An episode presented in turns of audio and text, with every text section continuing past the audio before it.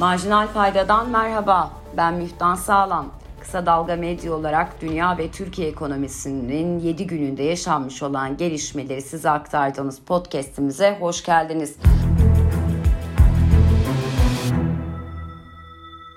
Dünya ekonomisinde bu hafta ABD'de Temmuz ayı enflasyonunda düşüş, Amerika Birleşik Devletleri'nde özellikle 40 yıl boyunca görülmeyen enflasyonun son bir yıla yayılıyor olması hem Fed cephesinde hem tüketici cephesinde şaşkınlıkla karşılanıyor. Aynı zamanda daralma politikaları bu duruma eşlik ediyor. Nitekim bu politikalardan yavaş yavaş sonuç gelmişe benziyor.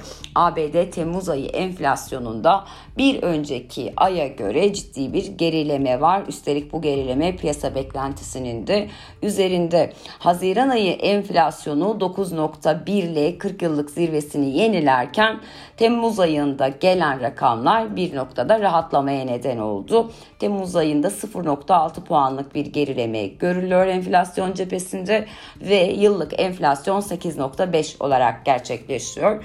ABD'de enflasyon düşüşünde FED politikaları kadar özellikle akaryakıt cephesinde ve bunun içerisinde benzin fiyatlarındaki düşüş barınma ve gıda fiyatlarındaki artışı dengeledi ve böylece kümülatif olarak bakıldığında aylık bazda fiyatlarda ciddi bir değişim yaşanmamış oldu. Bu da yıllık enflasyon ölçümüne olumlu yansıdı.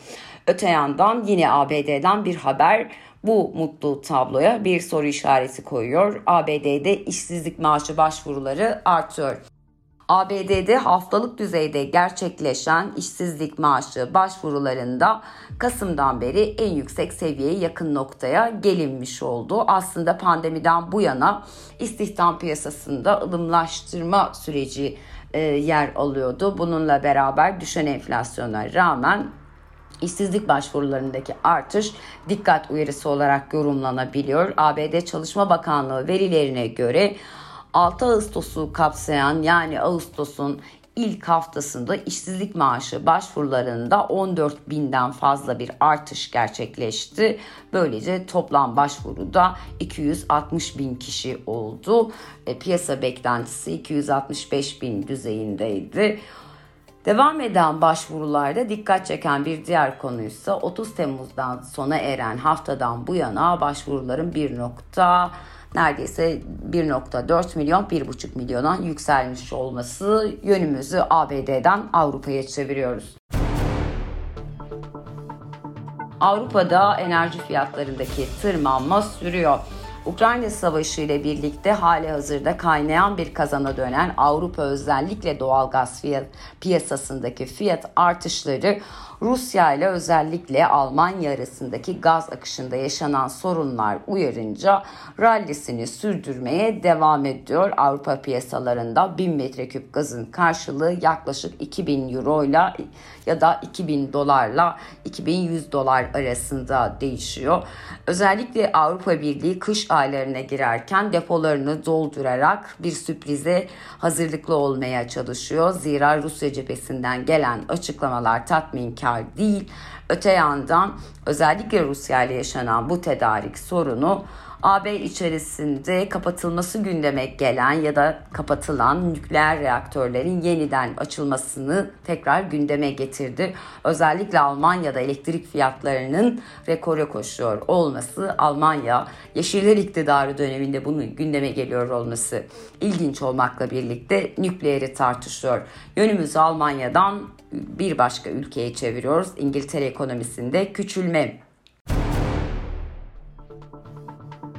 Avrupa Birliği'nden ayrıldıktan sonra ben yolumu bilirim, ekonomimin nereye gideceğine karar verebilirim diyen İngiltere ekonomisi önce pandemiyle ardından Rusya ile başlayan bütün Avrupa'yı etkileyen bu savaş denkleminden olumsuz etkileniyor. Hatırlanacağı gibi İngiltere Merkez Bankası özellikle Haziran ayında yapmış olduğu açıklamada ekonomi için fırtınaya hazır olun uyarısında bulunmuştu. Nitekim bu fırtınanın karşılıklarından bir tanesi görülüyor ve İngiltere ekonomisi ikinci çeyrekte hem imalat hem de hizmetler sektöründe küçülme yaşadı. Bu pandemiden bu yana gerçekleşen ilk küçülmeydi. Bu yüzden küçülme dikkat çekici olarak gerçekleşti ve not aldı, alındı. Aslında e, var olan küçülme her ne kadar ekonomi küçüldüyse de e, dikkatleri çekecek büyüklükte olmamakla birlikte 0.1 düzeyinde daraldı İngiltere ekonomisi. Hatta piyasa beklentileri 0.2 olması yönündeydi. Yine de ilk çeyrekte gelen 0.8'lik büyümenin ardından gelen daralma, gelen küçülme dikkat uyarıları olarak yorumlanabiliyor. Yönümüzü dünya ekonomisinden Türkiye'ye çeviriyoruz. Kur korumalı mevduat ekonominin kalbine yerleştirilmiş bombadır diyorlar. Bomba değil, atom bombası, atom bombası. Ekonominin kalbine yerleştirilmiş atom bombası. Dünyanın parası. Beyler götürdüler. Bir, parayı yatırıyorsun. Türk lirası yatırıyorsun. İki, sana güvence veriyorlar. Üç, faiz artarsa hiç merak etme faizi de artıracaklar. Döviz artarsa hiç zararın olmayacak. Döviz de ödeyeceğiz. O garantiyi de sana veriyorlar. Vergi, senden vergi de almayacağım diyor. Fırından ekmek alırken vergi ödeyeceksiniz. Beyler milyarları götürecekler. Beş kuruş vergi almayacaksınız. Buradan kur korumalı mevduat sahiplerine yani bir avuç kişiye sesleniyorum.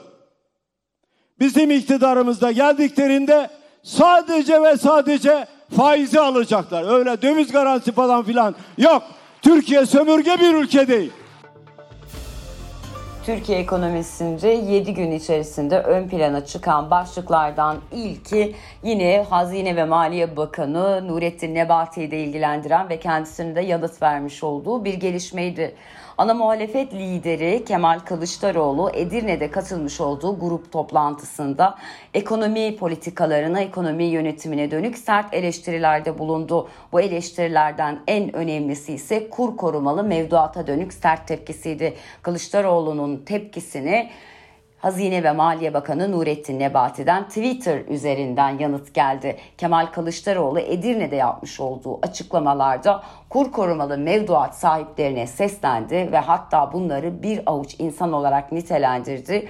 Bizim iktidarımızda sadece ve sadece faiz alacaklar.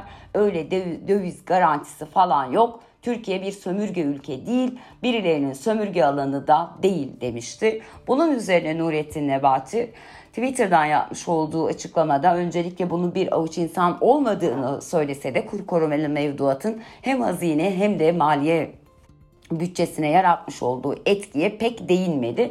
Benzer bir durum Merkez Bankası verilerinden de ulaşılabilir durumda değil. Zira kur korumalı mevduatın ödemelerinin bir kısmı da Merkez Bankası tarafından gerçekleştiriliyor. Nurettin Nebati yapmış olduğu uzun açıklamanın bir kısmında ana muhalefet partisi genel başkanının yıkıcı muhalefet uğruna devlette devamlılık esastır yaklaşımına ters finansal istikrar ve finansal güvenliği zedeleyici türden spekülatif açıklamaları her bakımdan vatanseverlikten uzaktır. Böylesi ciddiyetsiz ve spekülatif açıklamaları milletimizin takdirine bırakıyorum dedi. E, Maliye Bakanı'nın yine vatanseverlik üzerinden durumu ele alıyor olması ister istemez akıllara şu soruyu getiriyor. Hem Merkez Bankası'na hem de hazineye ciddi anlamda yük getiren kur korumalı mevduat politikasına neden geçilmiştir? Bu politika hangi koşullarda ortaya çıkmıştır ve bunun bedelini kim ödemektedir? Ekonomistlerin sormuş olduğu gibi bu bir servet aktarımı mıdır? Ve bu bir servet aktarımıysa eğer ki öyle görünür bununla vatanseverlik arasında nasıl bir ilişki kurulmaktadır diye soralım ve devam edelim. Merkez Bankası'nda beyin göçü Türkiye Cumhuriyet Merkez Bankası faiz kararlarıyla olduğu kadar taşınmasıyla da gündemde. Zaman zaman banka Ankara'da bulunan merkezinden İstanbul'a taşınacağına dönük haberleri muhatabı oluyor ki bu haberler gerçek. Merkez Bankası'nın İstanbul'da inşa edildiği söylenen binasının bir türlü bitmiyor olmasına karşın çalışanların Mart ayı itibariyle İstanbul'a çekilmeye başlaması bir beyin göçü denklemine neden oldu ve böylece Türkiye'de mühendislikten tıpa yaşanan beyin göçüne ekonominin en önemli adreslerinden biri Merkez Bankası da eklenmiş oldu. Çalışanlar özellikle genç çalışanlar başka ülkelere gitme gerekçeleri olarak hem İstanbul'da artan ev fiyatlarını, kira fiyatlarını hem de eşleri ve çocuklarının İstanbul'a adaptasyonu için gerekli olan sürenin kendilerine verilmemesinden dert yanıyorlar ve bunu gerekçe gösteriyorlar. Aslında çalışanların burada haklı olduğu bir durum var. İstanbul'un özellikle belli semtlerinde hem konut fiyatları hem kira fiyatları Merkez Bankası'nın %30 %40'lık bir artış var demesine karşın serbest piyasada %300 %500'lere kadar çıkan zamlarla karşılaşıyor. Buysa özellikle tayini çıkan her devlet memurunu kara kara düşündürüyor. Belli ki zaman zaman maaşlarının iyiliğiyle gündeme gelen Merkez Bankası çalışanları için de artık Merkez Bankası'nda çalışıyor olmak bir bariyer olmaktan çıkmış ve çalışanlar diğer sektörlerde olduğu gibi yönlerini batıya dönmüş görünüyorlar. Türkiye'de cari açık 15 ayın zirvesinde Eylül ayına geri dönüldüğünde Türkiye'nin bugün yaşamış olduğu krizin başlangıcı sayılacak şekilde Merkez Bankası %19'larda olan faiz politikasını bir kenara bırakmış ve aşamalı olarak faiz indirimine geçmeye başlamıştı. Nihayetinde Aralık ayına gelindiğinde banka faizleri %14'e kadar çekmişti. Bu politikanın gerekçesi olarak iktidar bazen Çin'i, bazen Japonya'yı, bazen Güney Kore'yi örnek göstererek rekabetçi kura geçtiklerini ve bunun cari açığı azaltacağını söylemeyi e, uygun görmüştü. Bu politikaların gerekçesi olarak sunmuştu. Ancak Merkez Bankası cephesinden gelen açıklamalar, gelen veriler iktidarın gönlünden geçenle gerçek arasındaki uçurumu adeta gözler önüne seriyor. Türkiye Cumhuriyet Merkez Bankası Haziran ayı ödemeler dengesi verilerini açıkladı ve bu açıklamaya göre cari denge Haziran'da 3. 46 milyar dolar açık verdi. Buna göre Haziran ayı itibariyle de yıllık cari açık 32.7 milyar dolara çıktı. Böylelikle yıllıklandırılmış ya da yıllık cari açık 15 ayın en yüksek seviyesine çıktı. Bankadan gelen bu açıklamalarda hükümetin muradı niyeti arasındaki uçurum madem böyle olacaktı biz bu noktaya niye geldik sorusunu akla getiriyor. Biz yine Merkez Bankası'ndan gelen bir açıklama ile ilgili kaynağı belirsiz para girişinde rekor. Türkiye Cumhuriyet Merkez Bankası bu hafta içerisinde paylaşmış olduğu verilerde kaynağı belirsiz para giriş ve çıkışlarını gösteren net hata ve noksan kaleminde 4 milyar dolarlık bir yükseliş kaydedildiğini duyurdu. Böylece 2000 2022'nin ilk 6 ay, ayındaki kaynağı belirsiz para girişleri henüz yılın ilk 6 ayı olmasına karşın 17.5 milyar dolara ulaştı. Bu rakam 6 aylık bazla rekor, rekor olarak kayıtlara geçti zaten. Geçen senenin aynı dönemine bakıldığında ise kaynağı belirsiz para girişinin yaklaşık olarak bu rakamın neredeyse e, yarısından daha az ya da üçte biri kadar olduğu görülür. Geçen yıl kaynağı belirsiz para girişi 6.8 milyar dolarda kalmıştı. Son haberimiz yine enflasyon cephesiyle ilgili. Sakin olalım TÜİK yeni bir enflasyon verisi açıklamadı. Yıl sonu beklentileri açıklandı. Merkez Bankası'nın piyasa katılımcılarıyla düzenli olarak gerçekleştirmiş olduğu yıl sonu enflasyon ve kur beklentisine piyasanın vermiş olduğu yanıt her iki cephede de artış oldu. Buna göre katılımcıların yıl sonu tüfe beklentisi %70.60 olarak kaydedildi. Kur beklentisinde de benzer bir biçimde bir yükseliş var ve 19.65 olarak işaretlenmiş. Bu bu anlamda dikkat çekici, anketteki yükseliş dikkat çekici. Zira bir e, önceki ay yapılan e, enflasyon açıklamasında piyasa aktörleri 69.94 demişlerdi tüfe beklentileri açısından. Buradaki yükseliş bu anlamda özenli üzerinde durulmayı gerektiriyor. Bir anlamda piyasa aktörleri aslında ay ay yıl sonu enflasyon beklentilerini arttırıyorlar. Bu da bize belki de şunu söylüyor enflasyon cephesinde olumlu giden pek bir şey yok.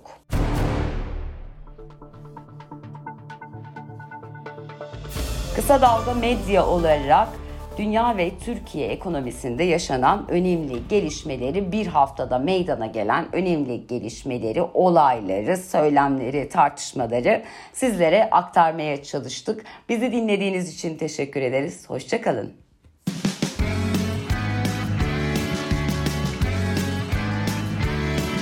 Kulağınız bizde olsun. Kısa Dalga Podcast.